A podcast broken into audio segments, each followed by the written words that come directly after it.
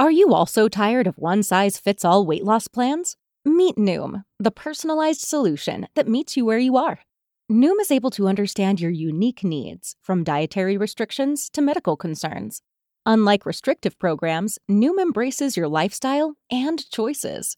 Discover a sustainable approach to weight loss, tailored just for you. Honestly, Noom felt like it was made for me. It's not just about what I eat, it's about understanding why. With Noom, I've learned so much about myself and built healthier habits that stick. It's all about progress, not perfection.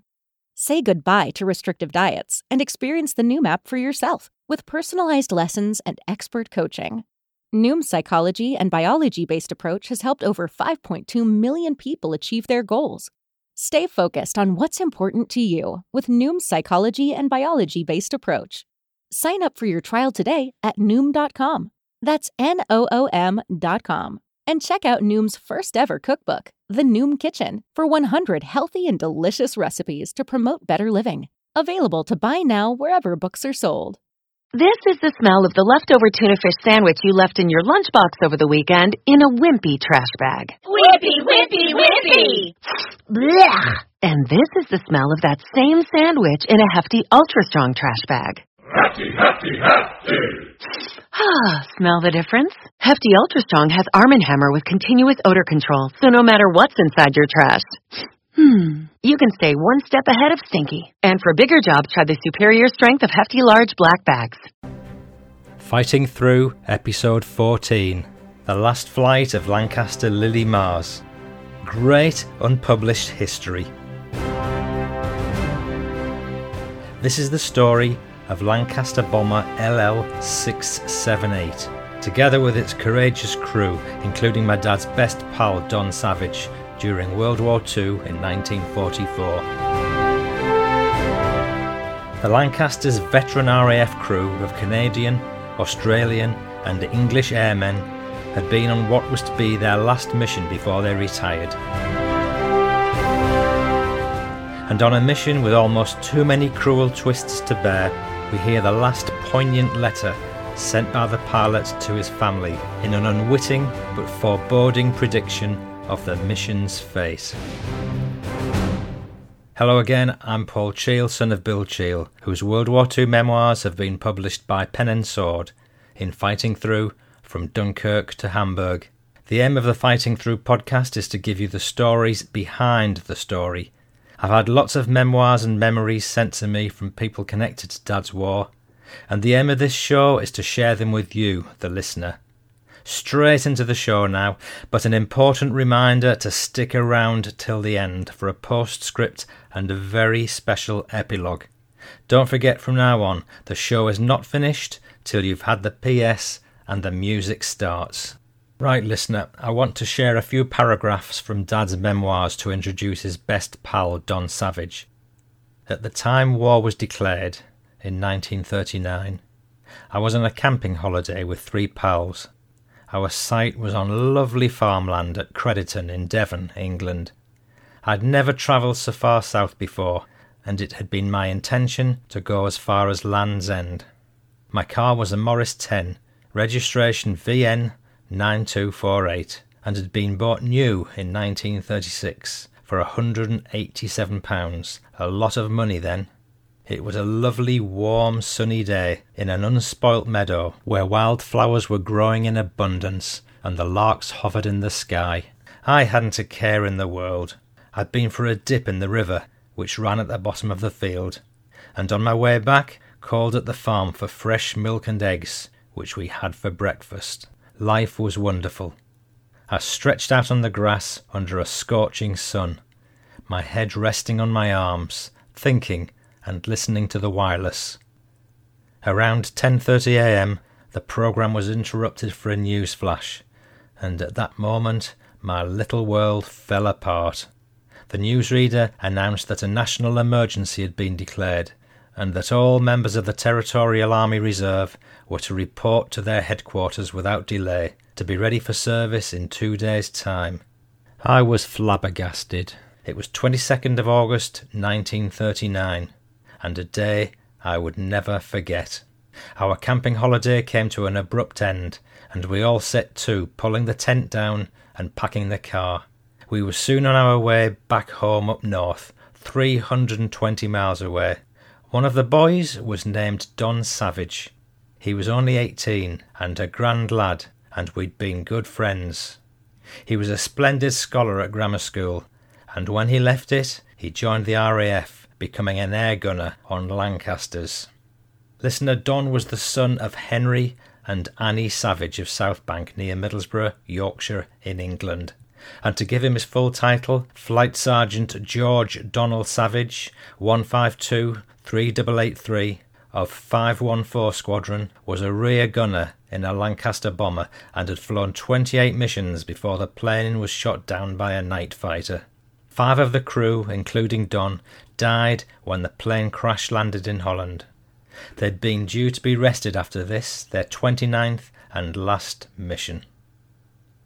So, what follows is the tragic yet heartwarming story of RAF Lancaster LL 678, fondly known as the Lily Mars, named after the 1943 American musical film starring Judy Garland.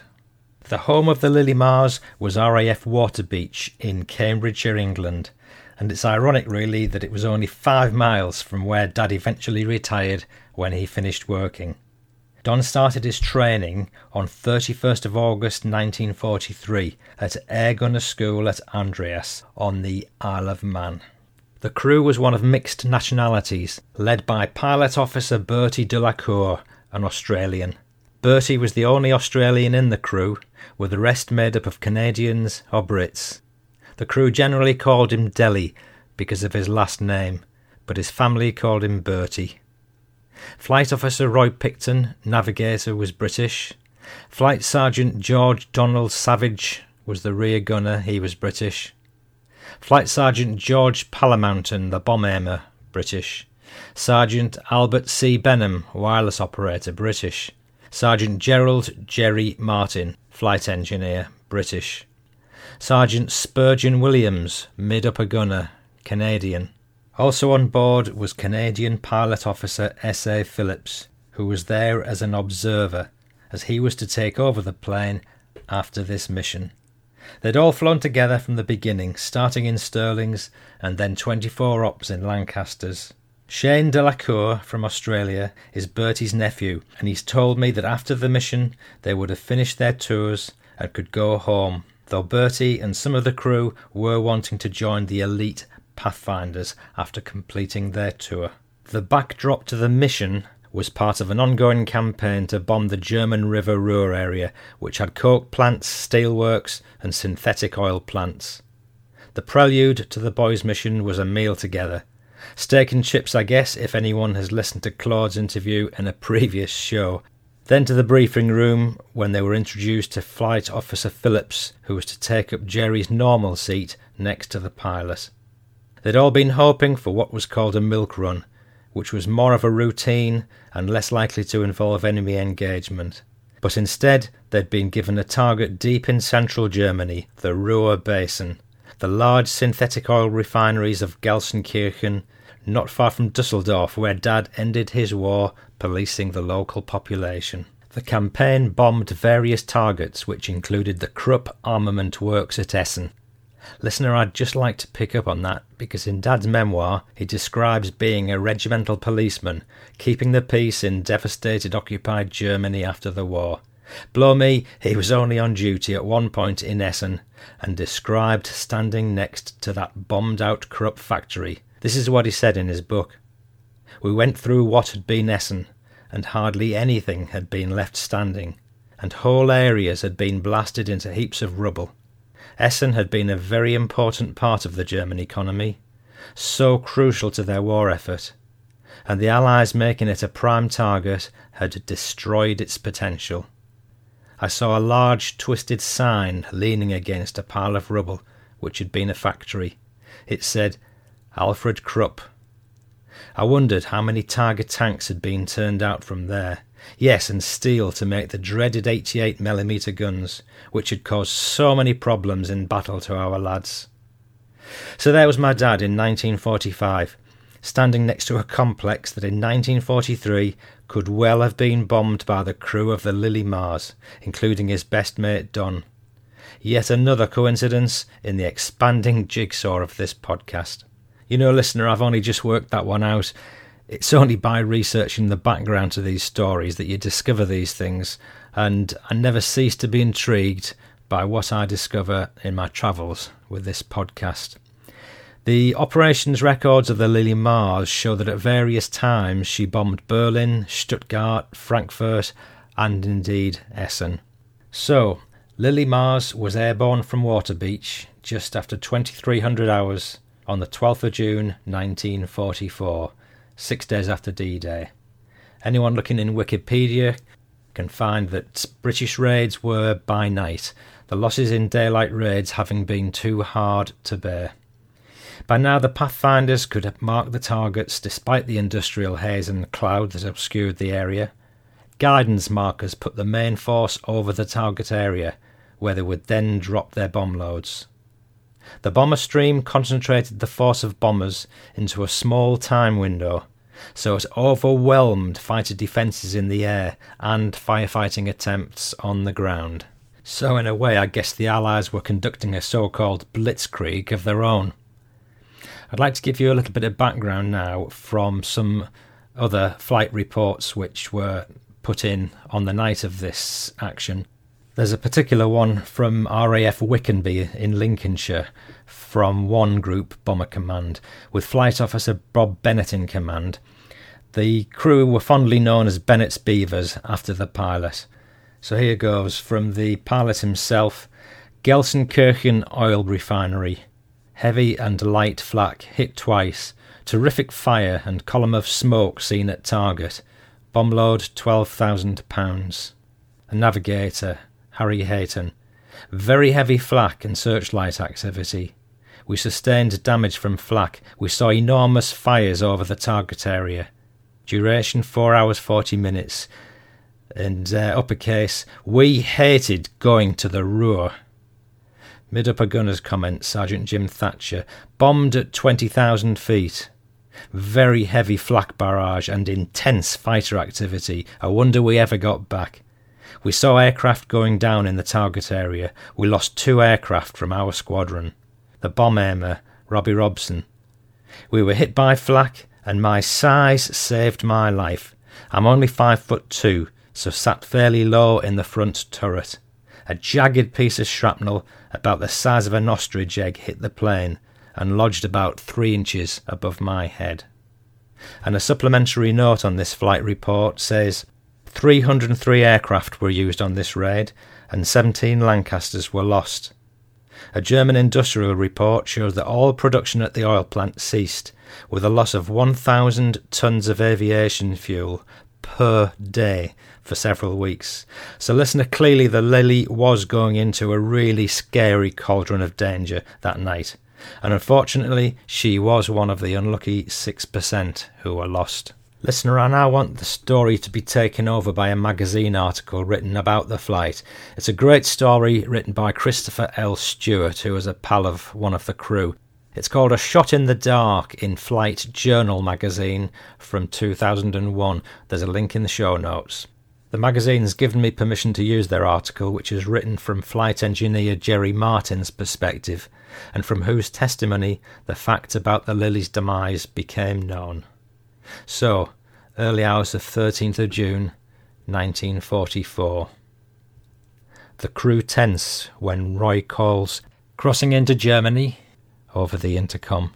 They're on schedule to drop their bombs on the Pathfinder's flare at 1.10. So far, the trip's been pretty routine, but as they travel further into Germany, the excited chatter over the intercom dies. The Ruhr basin's lit up like a Christmas tree with searchlights. It's so bright that Jerry needs no lights to read his checklist. As they approach the target, they drop their load on George Palamountain, the bomb aimer's mark. There's a sense of relief. They're now free to get the hell out of there. They turn north to leave the target area and lights. In a few minutes, they'll be out of Germany and racing towards England.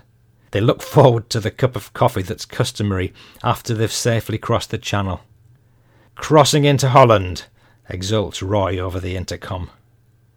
But suddenly they're startled by loud thuds and see traces going through the engines. Lily Mars shudders, and the smell of explosions fills the cockpit. Bertie struggles to keep the plane under control, and Jerry glances at his gauges, but there's nothing he can do. The Lily Mars is dying. Bail out! comes the order from Bertie. Jerry can't believe this is happening. He grabs for his chute. Where are Roy and Al, he wonders as he attaches it. He helps Phillips attach his chute, and then something terrible happens. While pulling it on, Phillips accidentally pulls the ripcord, and the chute opens inside the plane.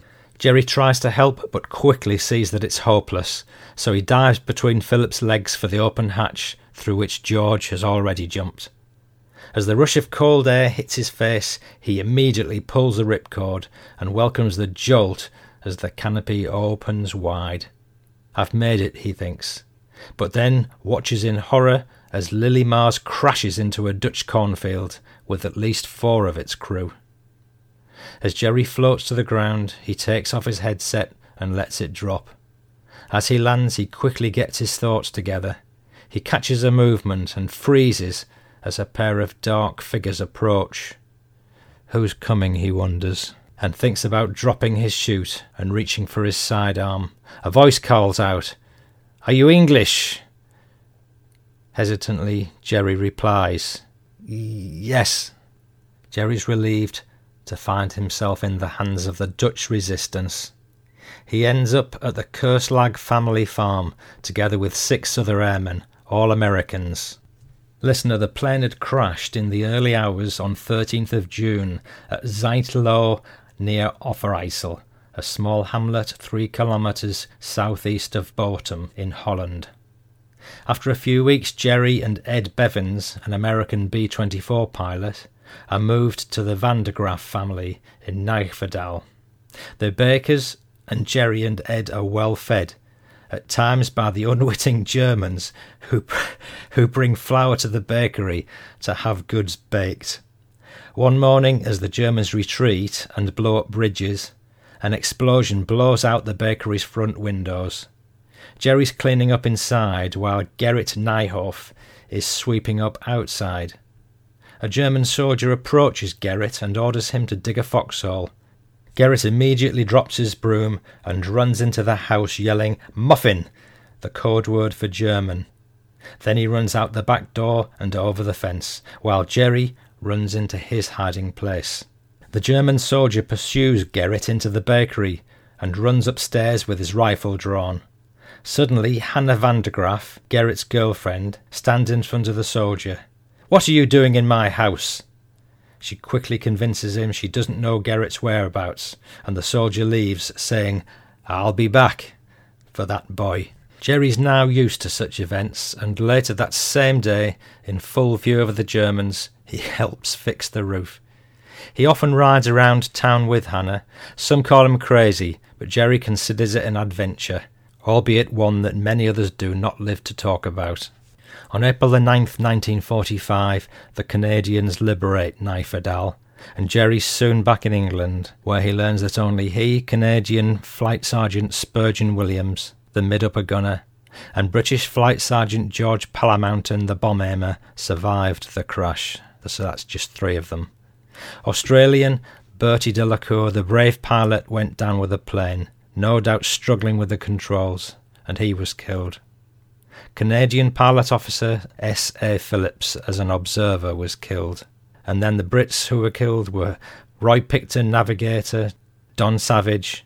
Listener, you may recall from Flight Sergeant Claude Reynolds' interview with me that the rear gunner couldn't fly with a parachute and had it stored towards the middle of the aircraft on a shelf. So it's not hard to imagine how daunting the task was for poor Don to escape.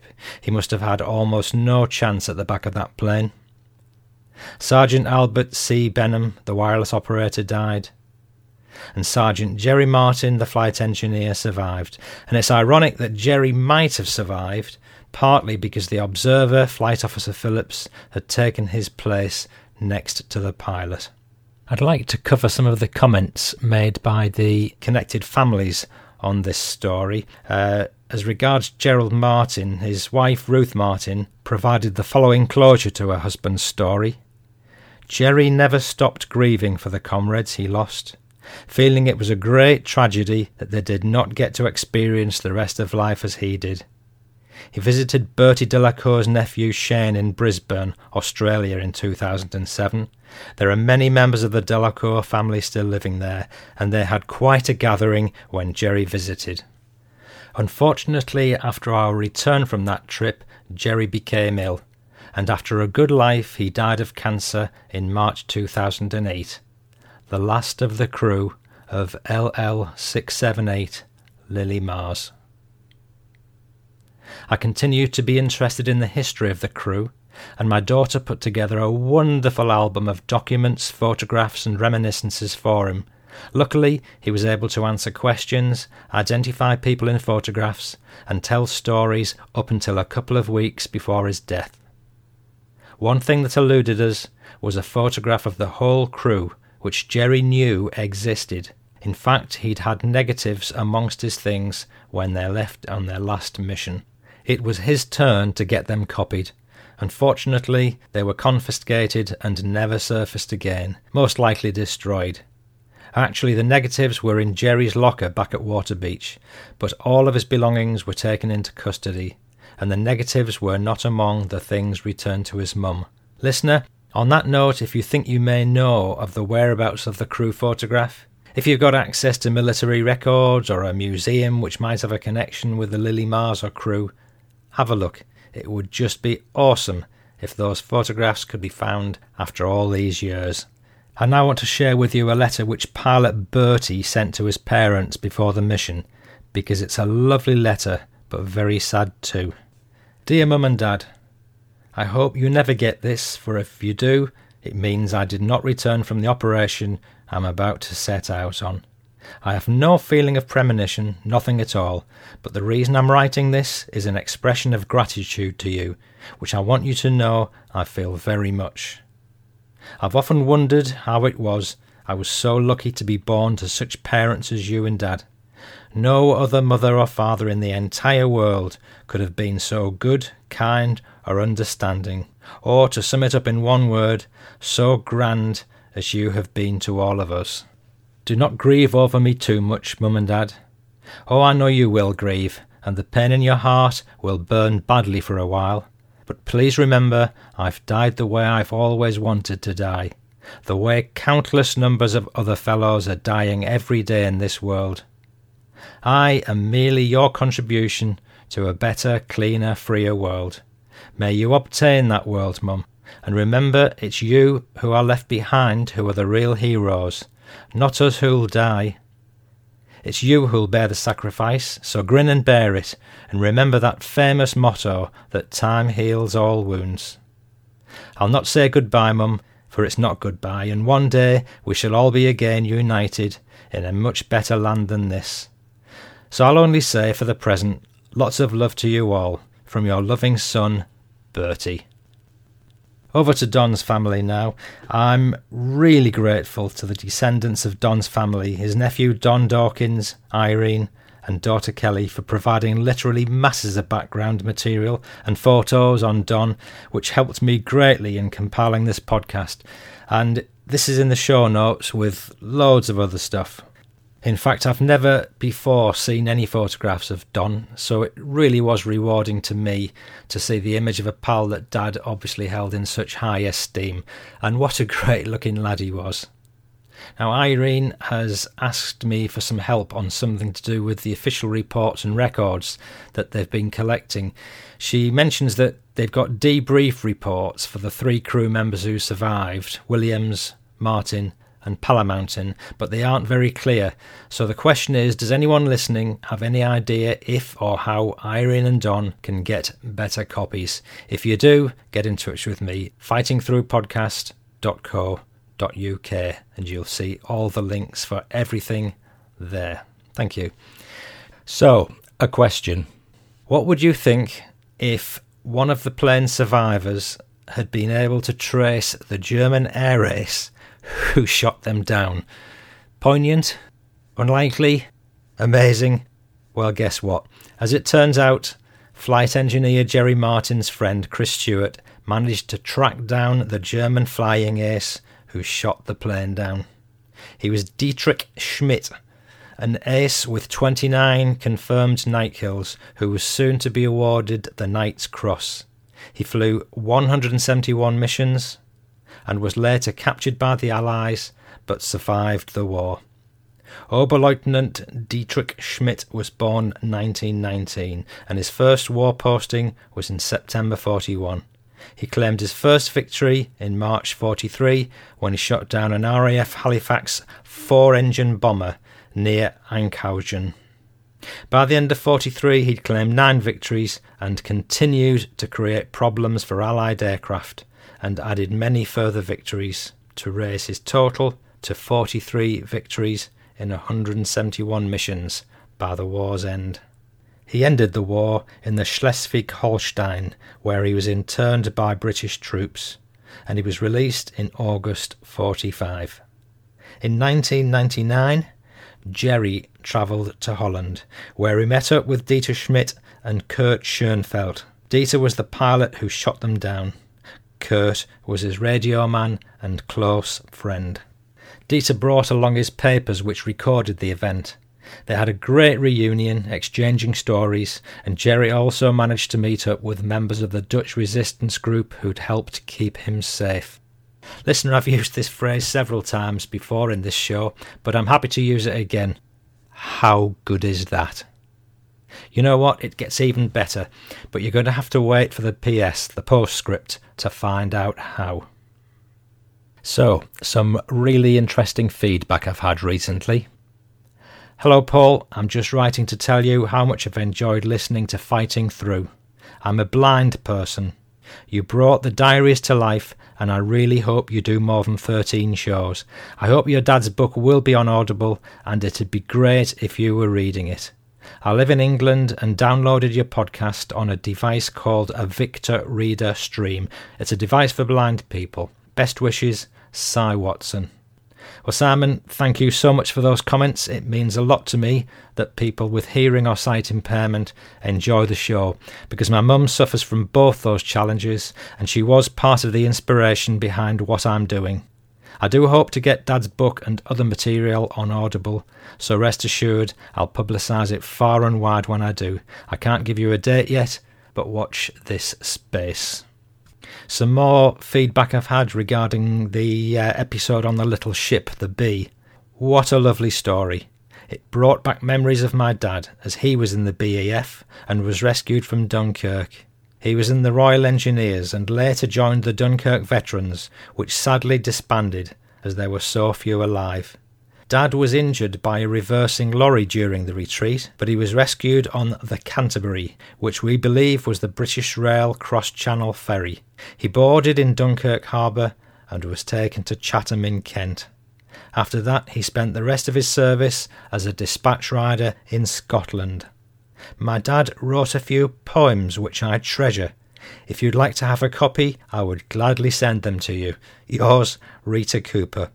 Well, I'm pleased to say that Rita has sent me her dad's very entertaining poetry, and I'm going to cover it in the next show.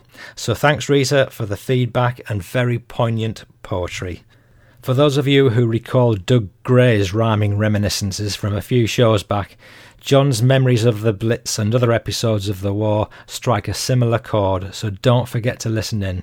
And bear in mind, this is fun poetry written by a soldier, often with shells flying over his head, so do try to spare 15 minutes to listen to John's efforts. That podcast will be out very soon. Plus, bubbling under in the not too distant future is going to be more coffee with veteran Wilf Shaw, who's going to regale us with some more entertaining war talk from North Africa and Normandy.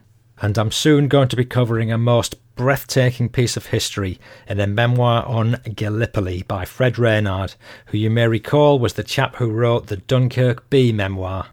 I know you've waited a while for this Lily Mars episode, and I'm going to work hard to get a few more shows out soon.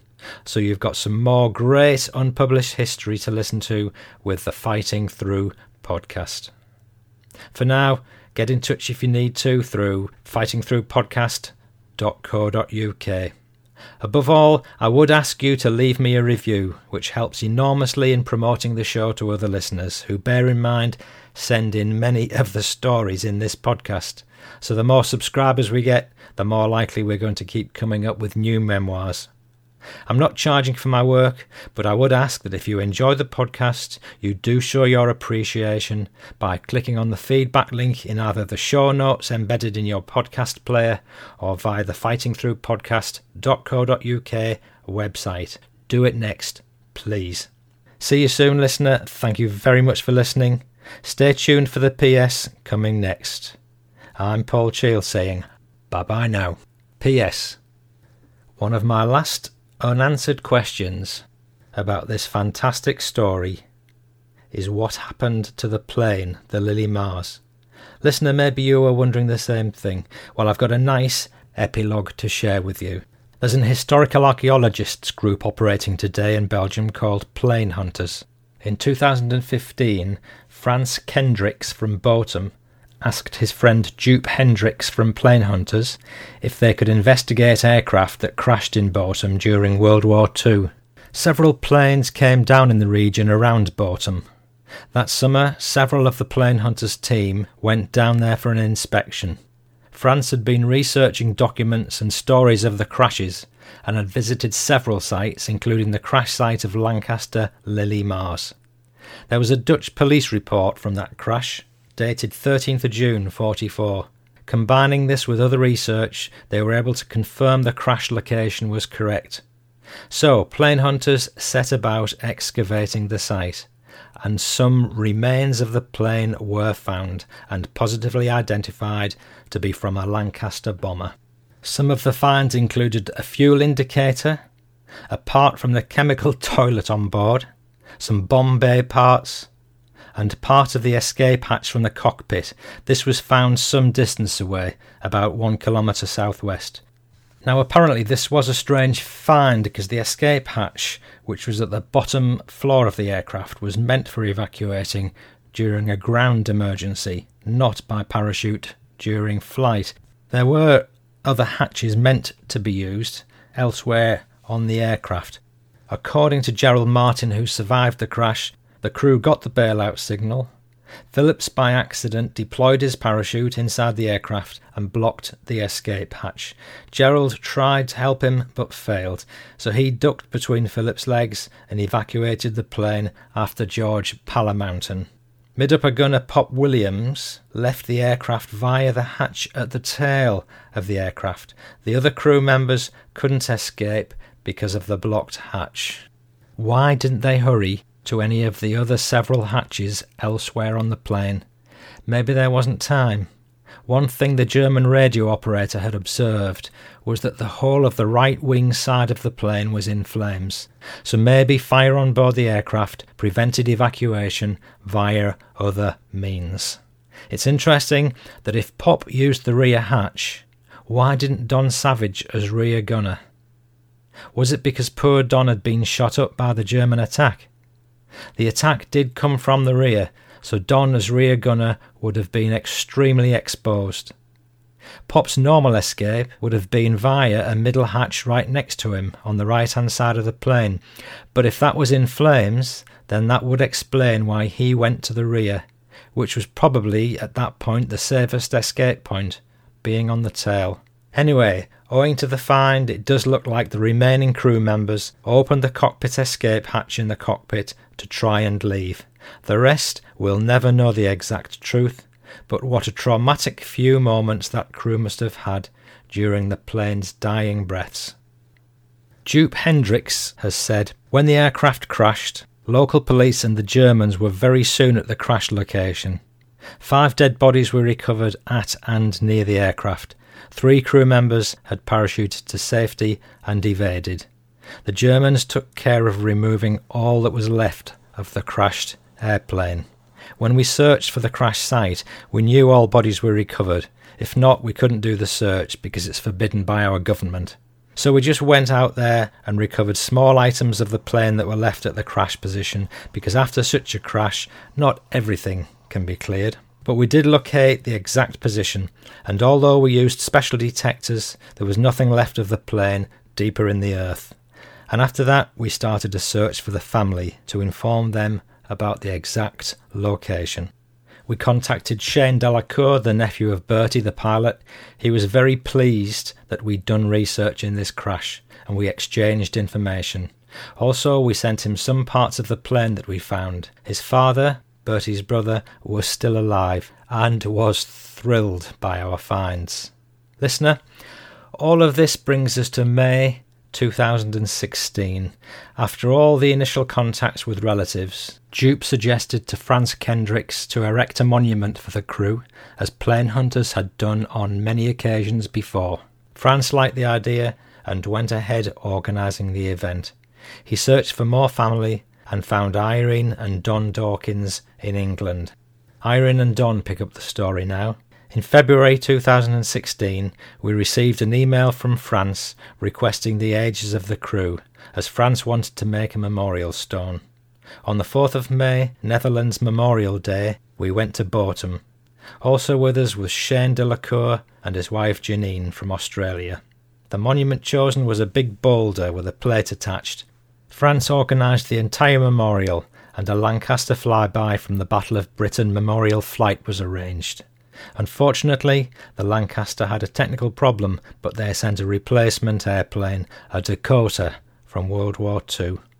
On the evening, the villagers of Botum walked silently round the village, then placed flowers on the many graves and memorials in remembrance. After a service was held in the local church, they made us feel so welcome. They said without our lads, their country would belong to Germany. Listener, I am going to end the show now, but in doing so, I'd like to express my grateful thanks for all the efforts made by many people to keep this story alive over many years. The relatives and friends who have already mentioned, the people of Botum, the plane hunters, whether it was keeping photos, researching, finding official documents, discovering each other, or whatever, a lot of people have made a lot of other people very happy. For me, Shane Delacour, the nephew of pilot Bertie, sums things up very nicely. He recently said, Without Franz Kendricks and Joop Hendricks and other members of the plane hunters and the town of Botum in Holland, the memory of these brave men may have been forgotten. My family is in awe of everything they've done and continue to do. Listener, before we say goodbye now, just one final thing. Um, if you've enjoyed this podcast, then I would remind you that there are stacks of photographs, reports, official documents, links to everything in the show notes, which you'll find at fightingthroughpodcast.co.uk. There's also a link there if you wish to provide any feedback. You've been listening to Fighting Through, episode 14, The Last Flight of the Lily Mars. Once again, I'm Paul Cheall saying bye bye now.